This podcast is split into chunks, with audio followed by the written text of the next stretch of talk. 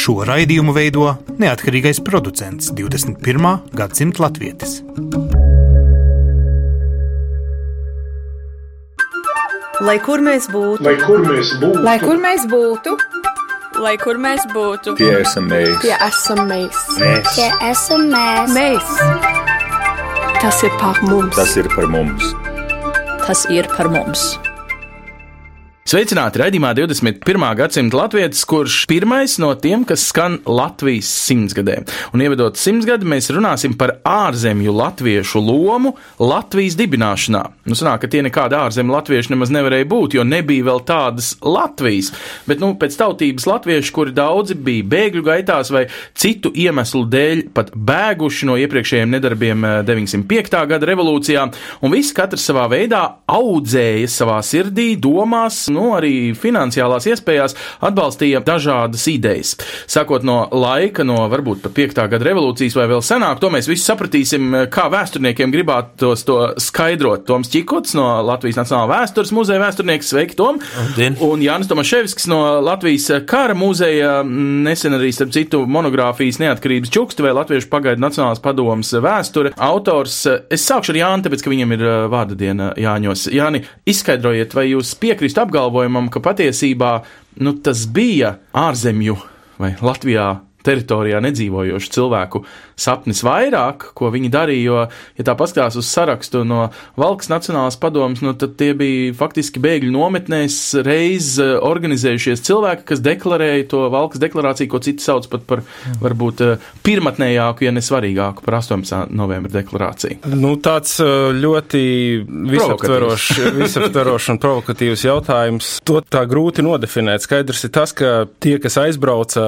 aizbrauca no Latvijas, uh, devās bēgļu gaitās, viņiem tā Latvija sirdī bija, nu, teiksim, daudz vairāk. Viņiem bija tās atmiņas par to, kur viņi bija dzīvojuši, viņi pametuši bija savas mājas, un, teiksim, viņiem bija tāda, angliski to sauc par homesick. Nu, jā, nu, tā ir māja, nu, vēlme pēc mājām, nu, slimība, mājas slimība. tā, ja? nu, mēs to nevaram tajā brīdī jau saukt par kaut kādu vēlmi pēc savas valsts. Tā vienkārši bija tāda katram cilvēkam raksturīga sajūta par to, ka viņš, nu, lai arī ir prom, bet viņš grib atgriezties mājās. Bet tiešām tā ir trešdaļa no tā laika Latvijas iedzīvotājiem, kas sākoties faktiski pirmā kara jukām ir prom no šīs teritorijas, ko vēlāk mēs jau saucam par Latviju.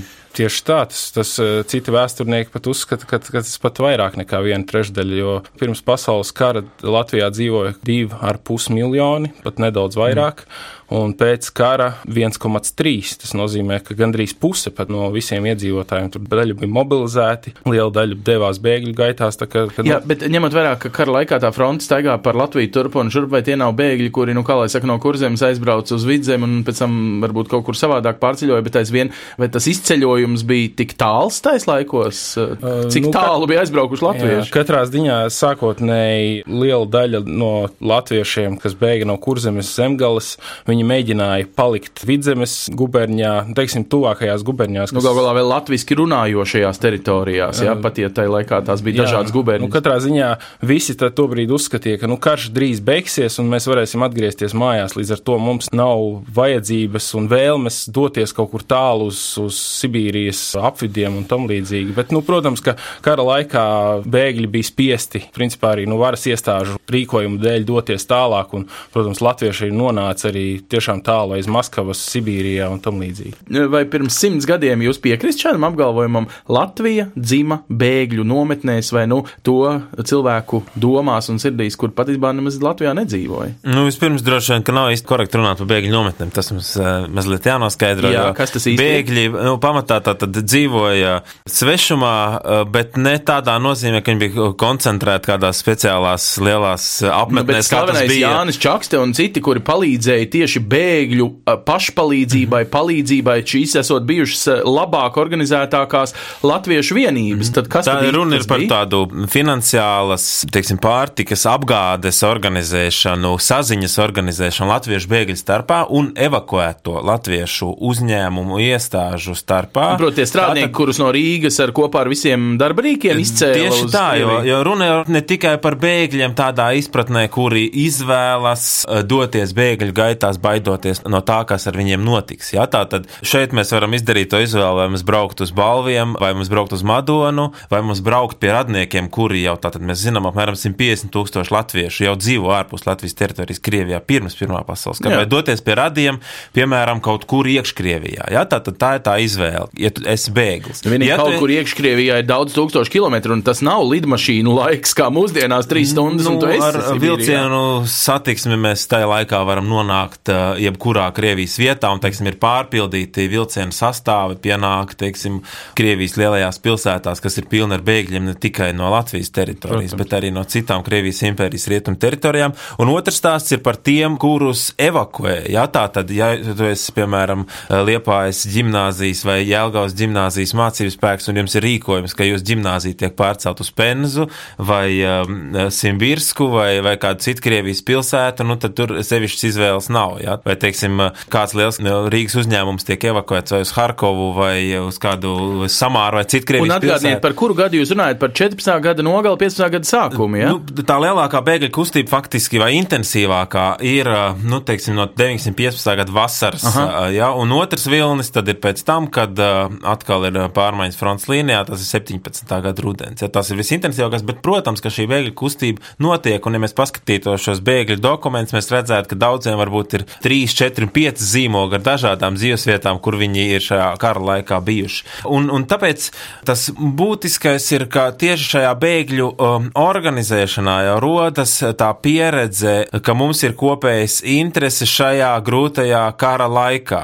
Nu, jūs sakat, labi, organizēšana, kopējas intereses, bet vai es varētu tad eh, secināt, ka lielākā daļa no tiem cilvēkiem ir bijuši, nu, pirmkārt, strādnieki, inteliģenti, skolā gājuši, tātad darbā reiztajās eh, fabrikās ar tiem galvenajiem rīkiem pieņemti cilvēki, nevis, teiksim, zemnieki, kas dzīvo viensētās, jo tie visdrīzāk, nu, tā tīri emocionāli nemaz negrib pamest savas mājas, izlaupīs. Nu, ir arī zemnieku liela daļa, jo nu, tā politika Krievijas uh, armijā ir tāda, ka maksimāli daudz no šejienes ir jāizvāc. Jā, tā arī cilvēku resursu ziņā. Teiksim, piefronts rajoni ir vispār jāiztīra, jā, teiksim, ar Daugavu daudz pagasti vienkārši piespiedu kārtā. Jums ir jādodas bēgļu gaitās vai arī kurzemē. Jā.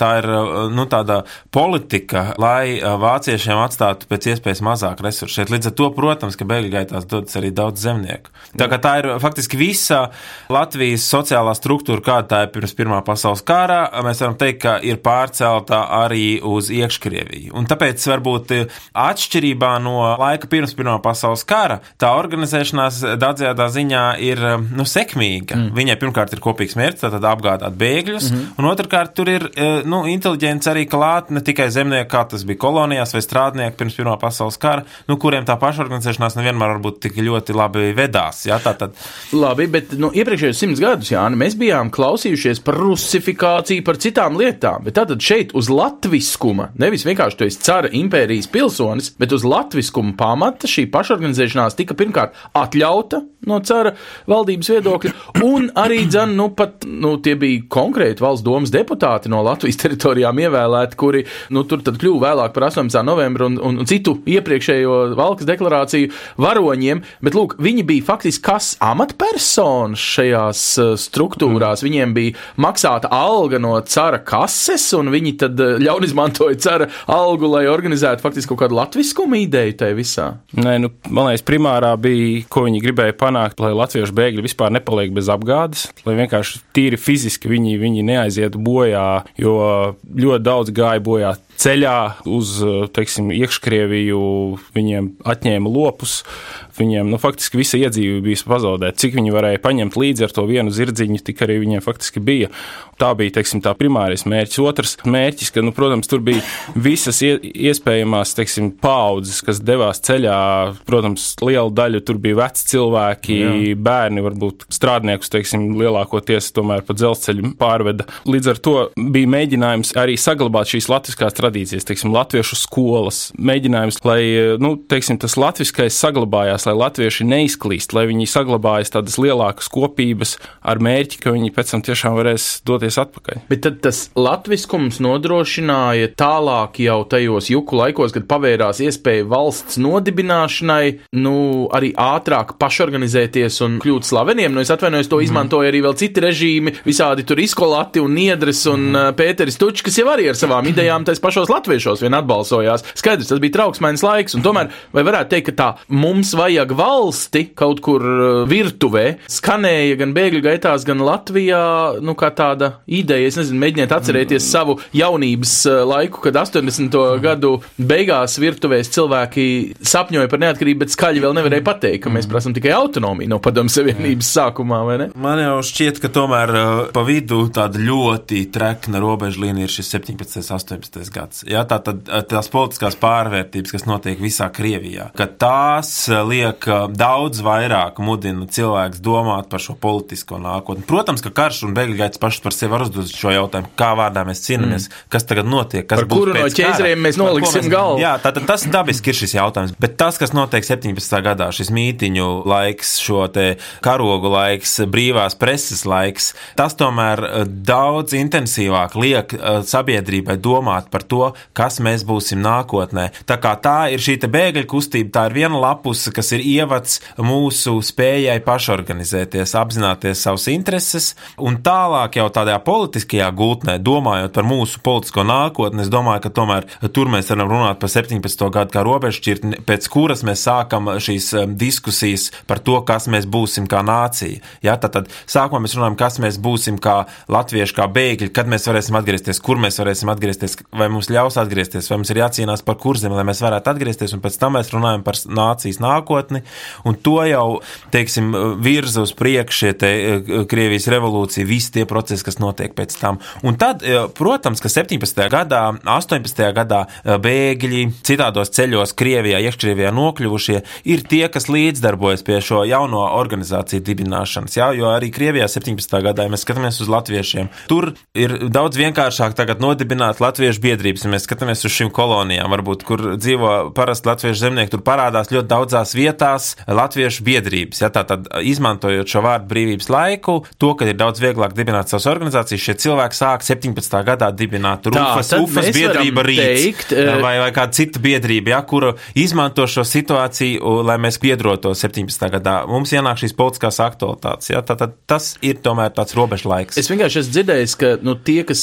pēc 5. gada revolūcijas aizceļoja līdz Kanādām un Amerikām, tad, kad pēc otrā pasaules kara brauc iekšā tie nu, latviešu simti tūkstoši, kas brauc no Vācijas, ka tur tāda atvērto roku politika nav bijusi. Vai mēs varam teikt, ka tie uz Sibīriju aizceļojušie nu, kurzemes un latgals zemnieki, kuri uztvēra šīs uh, ģimenes vai, vai piedarīgos un dibināja tās biedrības, bija atvērti pret šiem iebraucējiem, vai viņi līdzdarbojās? Viņi lielākā daļa no viņiem nekad neaizceļoja atpakaļ uz Latviju un palika Krievijā pie saviem īpašumiem, bet tajā mirklī vēl Staļins ir ļoti tālu, vēl Ļeņins nav pat pie varas, viņiem bija arī iespēja būt brīvākiem. Vēlāk viņi palika tādi Jā, viņi... noslēgtāki pret visām tām latviskās neatkarības idejām. Es domāju, ka arī mums ir grūti teikt, vai viņi kļuva noslēgtāki, vai viņus iztēloja kā noslēgtāk šī padomu Krievijas propaganda. Tas ir viens, bet otrs ir tas, ka, protams, ka daudzi bija atvērti šo bēgļu uzņemšanai. Tie bija daudz radinieki bieži vien. Ļoti bieži, teiksim, šīm kolonijām tiešām brauc cilvēki,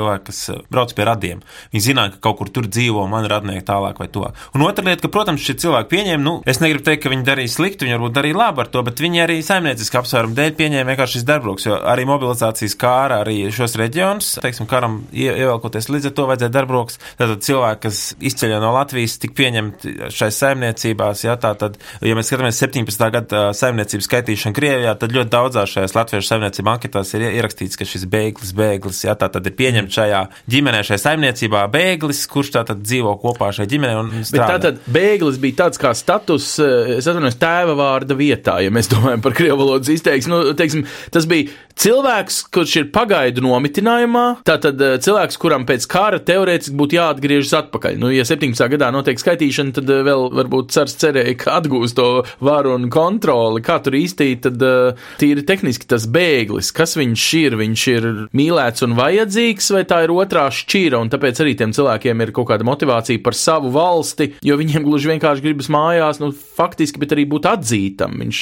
nu, vazāties pa visu pasauli, Mm. puspēdušam ar pēdējo zirdziņu, kas knapi kustas, Nu, var iedomāties, jā, kāda ir realitāte. Es būtu piesardzīgs pret to, ka varbūt tā bija otrā šķira. Skaidrs, ka šie cilvēki bija daudz ievainojamāki pret to, kas notiek apkārt. Jā. Viņi bija daudz ievainojamāki pret to, kas notiek apkārt, un ir skaidrs, ka uh, viņus varbūt arī daudz no viņiem daudz vairāk uzrunāja nekā šos saimniekus uh, tur Latviešu kolonijās, piemēram. Jā. Uzrunāja arī, piemēram, kreisā propaganda, ja, ka mēs jums dosim maizi, mieru zemi. Ja, tas ir skaidrs, ka tas daudz svarīgāk ir šim bēglim, kam nav nekā, nekā tam, kurš mazliet bažīs par to, kas notiek šīs eh, solītās nākotnes apstākļos. Tā kā eh, es domāju, ka tur drīzāk ir šī sociālā neaizsargātība, mm. kas dod papildus motivāciju. Nu, meklēt. labi, bet uh, jebkurš revolucionārs stāvoklis parasti ir ļoti izdevīgs, lai dzimtu valstis. Un te mums jātiek skaidrībā tiešām par šo patiesībā pēdējās nu, mēnešos, pusgadā izteikto domu, ka iespējams šajā simtsgades svinēšanā, un te Jānis pievēršos jūsu nesen izdotajai monogrāfijai Neatkarības čuksti vai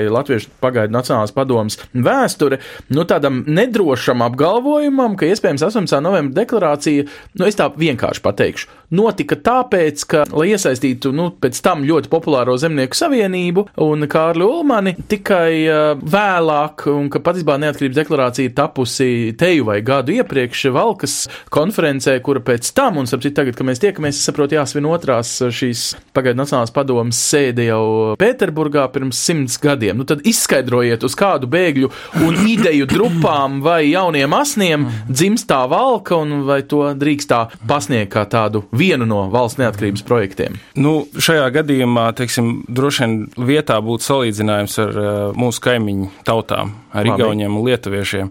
Latvija jau sākot no 15. gadā ir sadalīta starp karojošajām pusēm - Vāciju un Krieviju. Atšķirībā no Igaunijas, kura tikai 1918. gada februārī tika ieņemta, un atšķirībā no Lietuvas, kura jau 15. gadā tiek faktiski pilnībā okupēta no vācu varas. Un, uh, līdz ar to latvieši faktiski nu, tiek sadalīti jau tajā brīdī divās daļās, un latvieši vēlreiz tiek sadalīti tad, kad Vācija 17. gada septembrī okupē Rīgu. Un līdz ar to arī šī inteliģence, kas tajā brīdī nu, teiksim, visvairāk domā par šīm nacionālām idejām, pilsoniskā inteliģence, arī sadalās. Un arī sadalās teiksim, Zemnieku savienība. Jūs pieminētais mm. Kārlis Ulmanis, viņš paliek Rīgā, citi Zemnieku savienības locekļi paliek Valkā vai citās vācu neokupētajās Latvijas pilsētās. Un līdz ar to latviešiem teiksim, tā dabiski izveidojas tādi divi lielāki orgāni. Teiksim, vācu okupētajā Latvijas daļā tas ir uh, demokrātiskais bloks, savukārt vidzemē tas ir Latviešu pagaidu Nacionālā padome.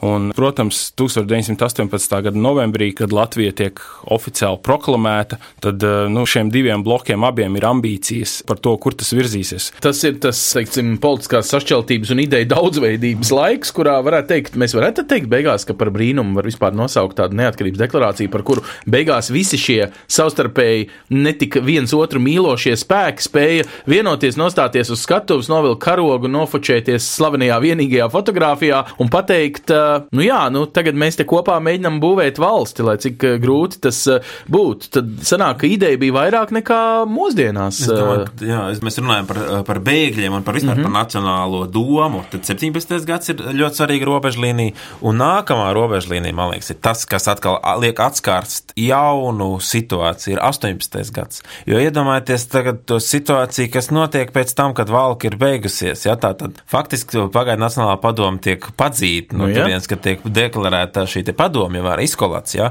Tālāk, 18. gadā, kas notiek? Visu 18. gadā ir Latvijas teritorija, viss ir okupēta, nonāk Vācijas okupācijā.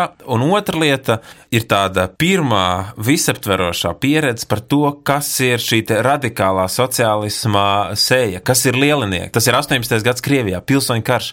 Ja, tad, tad, tas ir tas pirmais lielais vispārējā haosa laiks Krievijā, kas arī daudziem latviešu sociāldemokrātiem, kas ir nonākuši iekšķiem, varbūt bija ļoti noraidoši pret to, ko, nu, teiksim, pilsoniskā latviešu inteliģence saka 17. gadā, ka ar šo mums nav pa ceļam. Jā, tad tā ideja arvien vairāk sāk virzīties tajā virzienā, ka iespējams, nu, jā, sociālisms tas ir labi, bet varbūt tas ir kaut kāda cita forma, nevis vispasaules strādnieku revolūcija, neņemot vērā nacionālās robežas vai tās uzskatot par maznozīmīgām. Jā. Un tad mēs redzam, piemēram, 18. gadā Krievijā, tad, kad no Latvijas teritorijas pagaidu Nacionāla padoma aiziet, aiziet daudz politiķu uz iekškrieviju. Un kas notiek, teiksim, 18. gada aprīlī? Viena daļa latviešu, nu, teiksim, salīdzinoši maza grupa, bet tomēr tas diezgan simptomātiski notipina tā saucamo Latvijas pašnolemšanās savienību. Tur mm. ir Feliks Cielēns, Andrejs Veckalns, citi sociāldemokrāti mazinieki, kur tā tad saka, mums ir jādomā par latviešu pašnolemšanos. Mēs nevaram iet līdzi tam, kas notiek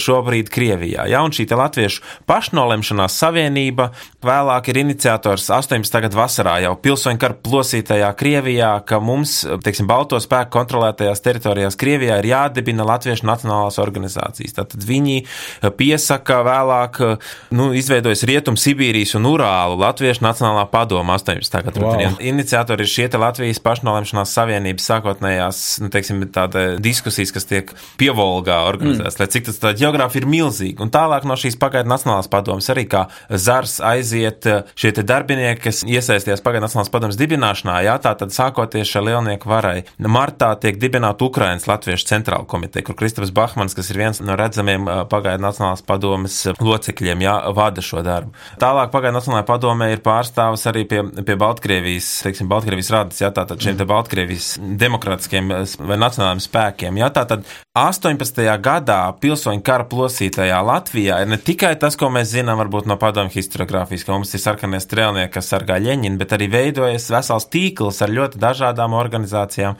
kuras iestājas par to, ka nu, Latvijai ir jāskatās vairāk uz šo nacionālo. Tur varbūt nav runa tikai par neatkarības ideju, jo, piemēram, pašnolemšanās savienība un šīs deklarācijas, kas ir samārā 18. gada augustā, septembrī, viņas saka, nu, mēs joprojām domājam varbūt par brīvu Latviju, brīvā Krievijā un mm. tā tālāk, bet tā ir jābūt demokrātiskai. Tā nevar būt šī lielnieka vara.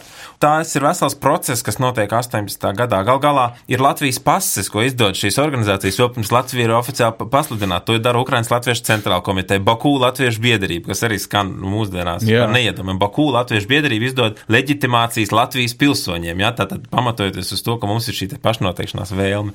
Tālāk mums ir pirms 18. Eh, gada 18. novembra ir šis pretlielnieciskais militārais spēks, tiek nodibināts pirmais Latvijas eh, atsevišķais strēlnieku bataljons, ir tā saucamais Trojcisks bataljons. Tas tātad tiek dibināts 18. gada oktobrī vēl pirms Latvijas pasludināšanas Urālos. Ja, tātad tas ir atkal vesels process, kas notiek 18. gadā, tad, kad Krievijā sākas pilsoņu karš. Tas nozīmē, ka tā ideja, nu sakiet, ko gribiet jūs klausoties, es tomēr gribu secināt, ka viņu izauklē cilvēki, kurus karš plosa pašus un uh, mētā pa kontinentu turp un atpakaļ, un ka Baku izdotās Latvijas pasas, man, man tā kā vedina domāt, nu tad es nezinu, es jūs spiežu kā vēsturnieks pateikt teikumu, ko īsti nedrīkst pateikt tā viennozīmīgi, ka Latvija patiesībā sirdī ir dzimusi kaut kur bēgļu koferītī, kaut kur stacijā, Ufā vai Kaspijas jūras krastā, Baku. Vai jā, Ufas uh, nomitinājumos, uh, kur,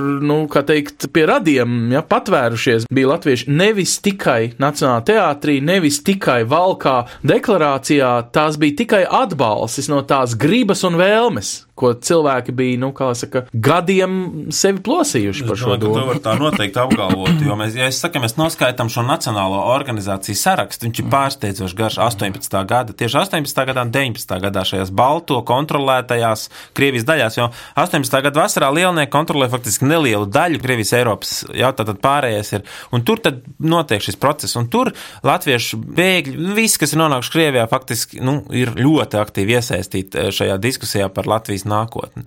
Protams, ka tur ne tikai varbūt ir šis nacionālais motīvs, tur arī tāds paša aizsargāšanās motīvs. Mums ir jāveido savs kaut kāds militārais formējums, vai es nezinu, jāveido šo pa savu pašorganizāciju, tāpēc, ka mums vienkārši ir jāizdzīvo. Tas ir, protams, otrs. Bet, protams, ka ir kopš 17. gada arvien vairāk tā doma, ka mums ir jā jādomā par savu nākotni nacionālās kategorijās. Tātad par savu nākotni nacionālās kategorijās. Labi, tagad nosvinam. Nosvinam 18. novembrī, to laižam garām. Daudz par to ir lasījuši un vēl runās šajā gadā, bet es gribu vienu citu fenomenu jums abiem izprasīt, un eh, kas notiek ar tiem daudziem cilvēkiem, kuriem paiet vēl pat vairāki gadi, līdz viņi no tagad jau padomi Krievijas ir gatavi braukt mājās uz to teritoriju, uz kur viņi gribēja braukt mājās, kā jūs man raksturojāt, kad kara laikā viņus visus, nu, būtībā aizveda, aizsauca. Kāpēc daudzi no bēgļu gaitām neskrien gluži, nu, tā kā mēs, es atvainojos, šodien sakam, kāpēc no īrijas latvieši nebrauc atpakaļ, tagad, kad tā alga ir jau gandrīz uh, īrijas uh, zemākajā līmenī.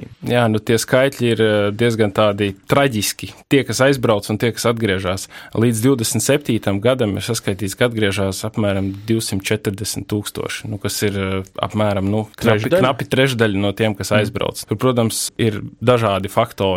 Daļa, protams, teiksim, vienkārši fiziski tiek iesaistīti militāros formējumos, iet bojā kara laukā. Daļa, teiksim, aizbrauc, viņi tur iedzīvojās, viņi, teiksim, atrod darbu, varbūt kāds nodibina ģimeni, vienkārši viņi iedzīvojas un viņi negrib vēlreiz braukt uz, teiksim, kara izpostīto Latviju, lai arī, teiksim, tas ir starp viņu tautiešiem, tomēr viņi negrib vēlreiz sākt šo tādu, nu, faktiski bēgļu ceļu. Ja mēs runājam par tiem bēgļiem, kas atgriežas, teiksim, vēl pilsoņu kara laikā, tad tur ir, nu, briesmas, tur ir arī uh, apgrūtinājumi tīri fiziski atbraukt, jo, teiksim, tajā Krievijas, Eiropas daļā faktiski uz, uz visām pusēm norisinās šis pilsoņu karš, un uh, kā bēglis atbrauks. Viņš tā nebrauks no, teiksim, no Urāliem atpakaļ ar, ar savu vienu, vienu zirdziņu, un dzelzceļš nav pieejams. Mēs zinām stāstu par to, kā atgriezās uh, Trojiskas un bataljons un mm. Imantas pulks apkārt visai Āzijai ar, ar kuģi. Iespējams, tas bija arī nu, bēgļiem, arī daudz bēgļu tā atgriezās, bet nu, tas bija tiešām sarežģīts process, kā tiem bēgļiem atgriezties. Protams, ka daudzi bija iedzīvojušies, un daudzi, kā jau Toms stāstījis un, un pētījis, ka nu, daudzi jau bija tur uz vietas kolonisti, un, un nu, viņiem, viņiem vienkārši nebija tās vēlmes. Bet viena lieta, ko Jānis jūs nepieminat, es nezinu, varbūt Toms var labāk izskaidrot, vai varētu teikt, ka daudzi bija jau tiešām palikuši par komunistiem un ticēja lielnieku idejām vairāk, un varbūt vīlās tad, kad parādījās komunismu patiesā seja, bet nu, tai brīdī jau vēl tās jukas un tā taisnība un tie solījumi, ka visiem dalīs zemi un darbu un maizi, nu visi tie ļeņinas augļi, nu taču daudziem noteikti likās arī simpātiski. Nu, mēs varam arī, diemžēl, atzīt, ka latvieši bija arī dedzīgi komunisti. Tur rodās arī, starp citu, tas laikam slavenais mīts, ka ja vien jūs latviešu sarkanie strelnieki nebūtu nosargājuši ļeņinu, tad mēs Krievijā dzīvotu daudz labāk un nu, tam līdzīgas lietas. Jā, nu, protams, tas, um, tas stāsts par sarkanajiem latviešiem ir um, ārkārtīgi iesakņojies Krievijā jau pilsoņkara laikā. Jā, tā tad uh, tiek izdots brošūras par to, ka latvieši nav tikai bolševiki, lai mazliet to atspēkot. Tā ir galvenā problēma šīm te pilsoniskajām vai, vai pretlielnieciskajām organizācijām mēģināt Krievu sabiedrībai pateikt, ka latvieši nav tikai Ļeņina aizstāvi, jā, tātad 19. un 18. gadā. Tā kā, protams, ka latvieši veido ārkārtīgi nozīmīgu daļu šajā te Ļeņina padomju Krievijas eh, nu, veidošanas dažādā, gan, eh, teiksim, tīri iestādēs, ja gal galā Stučki ir eh, tieslietu tautas komisārs mm. vai, vai te pašā Čekā bēdīgi slavenējā, kur vadošos amatos ir latviešu mm. Mārtiņš Lācis, kas vēlāk vada Čeku Ukrainā, tātad vai Jēkabs Peters vai, vai citi, nu, ar kuriem mēs lepoties droši vien nevaram, Jā. vai ne? Vai arī tajā sarkanā armija bez šaubām, ka, nu, teiksim, svarīgs spēks sākotnēji 18. gadā sarkanajā armijā ir sarkanie latviešu strēlnieki strēlnieki, bet jāņem vērā, ka liela daļa jau 19. gadā tomēr līdz ar Stučkas valdību teiksim, dodas uz Latviju, dezertē un šeit arī paliek. Ja? Mm. Bet, protams, ka viena daļa paliek arī, protams, padomu Krievijā un paliek pārliecības dēļ, ka tie ir tie pareizie ideāli, un tas ir tas, kas sasaucas ar šo te piekto gadu, kas sasaucas ar 17. gadu, ka tā ir tā īstā valsts, kas mums ir jāceļ. Bet es domāju, ka bēgļu vidū to cilvēku vidū, kuri Pirmā pasaules kara laikā nonāk varbūt bez kaut kādas šīs revolucionārās pieredzes, tur tomēr eh, ir drīzāk eh, šie Jāņa minētie nu, sadzīviskie apstākļi. Un faktiski tas posts un to bojā gājušo skaits, tas, kas šo skaitu padara tik mazu. Tur varbūt šo pārliecināto komunistu no, no šīs kontingentu jau nu, nav varbūt ļoti daudz. Protams, ka tas jautājums, turpinot varbūt par šo saimniecisko jautājumu no šiem 200 tūkstošiem, kas atgriežas 20. un 21. gadā un vēl nepilniem simts, kas nākamajos gados. Protams, ka tās vēstules, ja mēs palasām, kas tiek rakstīts jau toreiz 19. un 20. gadā dibinātām dažādām uh, Latvijas republikas pārstāvniecībām, vispirms tas Balto kontrolētais Krievijas apgabals, vēlāk pie arī jau padomu valdības, jā, tātad, ko raksta latvieši, kas ir Krievijā, tas jautājums daudziem ir, vai man Latvijas pagaidu valdība varēs dot gabaliņu zemes, mm. uh, iespēju uzcelt savu māju, Jā, vai varēs nodrošināt, deva, vai vai man varēs nodrošināt ne man? tātad, uh, kādu lopu, ar ko sākt savu saimniecību. Un skaidrs, ka neviens nevarēja dot pozitīvu atbildi uz šo, jo nu, jaunā valsts vēl gal galā pirmkārt nebija izcīnīta, jā, tātad līdz 20. gadā beidzās neatkarības karš, un otrkārt, nu, te bija tik daudz problēmu Latvijā, kam nevarēja atbildēt uh, tiem bēgļiem, jā, jā, mēs dosim visiem, mums ir ļoti labā stāvoklī, mēs esam, mēs visus, visus varam uzņemt, jā, tā, tā, bija liela problēma. Un, un tas posts ir faktiski, mēs pat nevaram stādīties priekšā, kādus dzīves apstākļus aprakst šajās vēstulēs Latvijas ārlietu. Tas ir ārkārtīgi interesants materiāls, kurā apraksta faktiski to haosu, kāds ir tajā laikā Krievijā. Un nav brīnums, ka tie ir eh, desmit tūkstoši, kuru iet bojā šajos pilsoņu apstākļos. Nu, un tā vēlme atgriezties Latvijā, es domāju, ka to diezgan spilgti rāda tās rindas pie bēgļu ešaloniem, tā vēlme tomēr doties atpakaļ un izbēgt no šī Krievijas eh, pilsoņu kara postā, kavēkļi, ko padomju Krievijas valdība tām liek, lai neļautu visiem gluži aizbraukt un paturētu, teiksim, eh, darbspēki sevišķi izglītoto, jā, sev. Tas ir vesels arī milzīgs process. Nu, ko, es eh, ticu, ka gan Toms Čikuts Latvijas Nacionālā vēstures muzejā šajā gadā, gan eh, Jānis Tomaševskis eh, savukārt Latvijas kara muzejā būs spiesti atbildēt uz daudz cilvēku jautājumiem tieši par šo, jo, nu, laikam nebūs taisnība tiem, kas saka, ka Latvija savu neatkarību pilnīgi bez, kā lai saka, liekām asinīm ir ieguvusi tiešām šie daudzie tūkstoši salauzto dzīvju, kuru rezultāts ir mūsu neatkarība, kurai tagad mēs svinēsim simts gadus. Tomēr ir jāpiemina, katrs viens var savas uh, dzimtas stāstā to atrast, uh, varbūt arī piedalīties kādā no akcijām, izskaidrojot šos vēstures posmus ar fotografijām, ar liecībām gan Latvijas Nacionālā vēstures muzejā topošajā lielajā, es teiktu, unikālajā izstādē, gan, protams, kara muzejā, kur savukārt caur strēlnieku gaitu rakurs šajās dienās noteikti ir vērts gan paciemoties, lai saprastu paši daudz precīzāk, gan arī, lai atskārstu visus tos vēstures faktus, ne vienmēr viegli izskaidrojumos. Vai man tas izdevās, nezinu, bet katrā ziņā,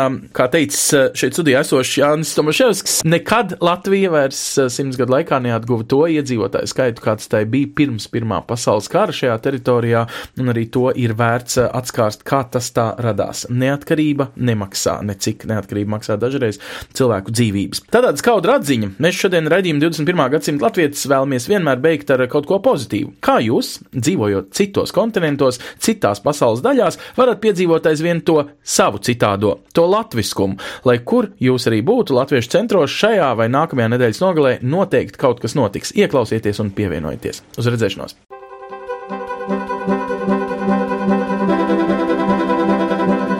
Sadarbībā ar, Ar latviešu.com piedāvājam, globālais latviešu notikuma apskats, kur ir tur rodas. kur ir tur rodas. Tas ir par mums! Nākamās nedēļas nogalē no 12. līdz 14. janvārim Anabergas pilī Bonnā norisināsies gadskārtējais literatūras pulciņš. Šoreiz tikšanās reizē tiks runāts par 20. gadsimta Latvijas vēsturi un kā tā tiek atspoguļota Latvijas autoru darbos. Sarīkojumā piedalīsies un lekcijas sniegs latviešu literāti, eksperti literatūras zinātnē un vēsturē. Romānu sērijas Mēs, Latvija 20. gadsimts iniciatore un viena no romānu autoriem Gundaga Repše iztirzās tēmu refleksijas par vēstures neesamību. Guntis Berelis, literatūra kritiķis un rakstnieks, runās par cilvēku laikā un laiku cilvēkā, jeb par vēsturisko romānu un romānu par vēsturi. Savukārt Vaira Tempela apspriedīs trīs elementus - cilvēkus, likteni un pasauli.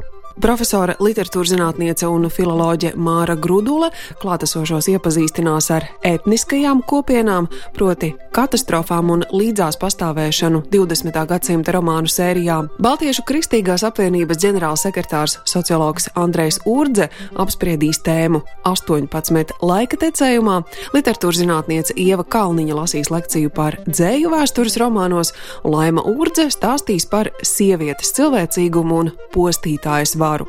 Tāpat sarīkojuma gaitā būs iespējams noskatīties dažādas filmas, iesaistīties dziesmu vakaros un kopīgi izrunāt nākotnes perspektīvas. Tāpat dažādi sarīkojumi gaidāmi arī Amerikas Savienotajās valstīs. No 8. līdz 10. janvārim ASV viesosies Latvijas radio Big Bands, lai sniegtu koncertus divās pasaules slavenās džēza mūzikas koncertu vietās. Pirmdien, 8. janvārī, Big Bands uzstāsies Ņujorkas Linkolna centrā, savukārt trešdien, 10. janvārī, Vašingtonā Kennedy centrā.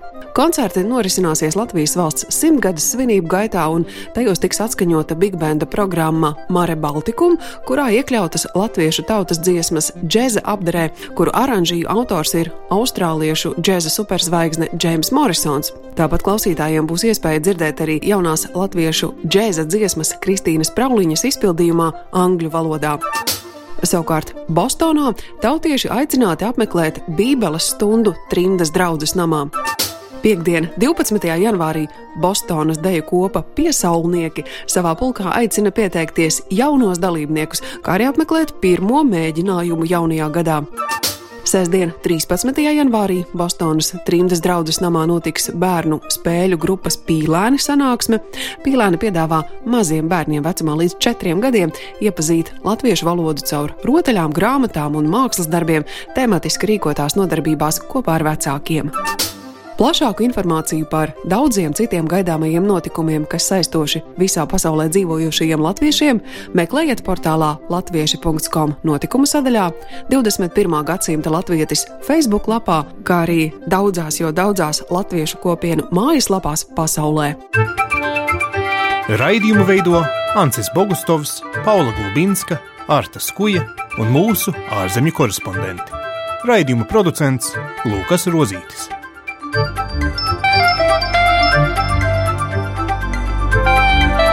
Lai kur mēs būtu, Lai kur mēs būtu, Tas ir par mums. Tiesa mēs! Tas ir par mums! tie esam mēs. Tie esam mēs. Tie esam mēs.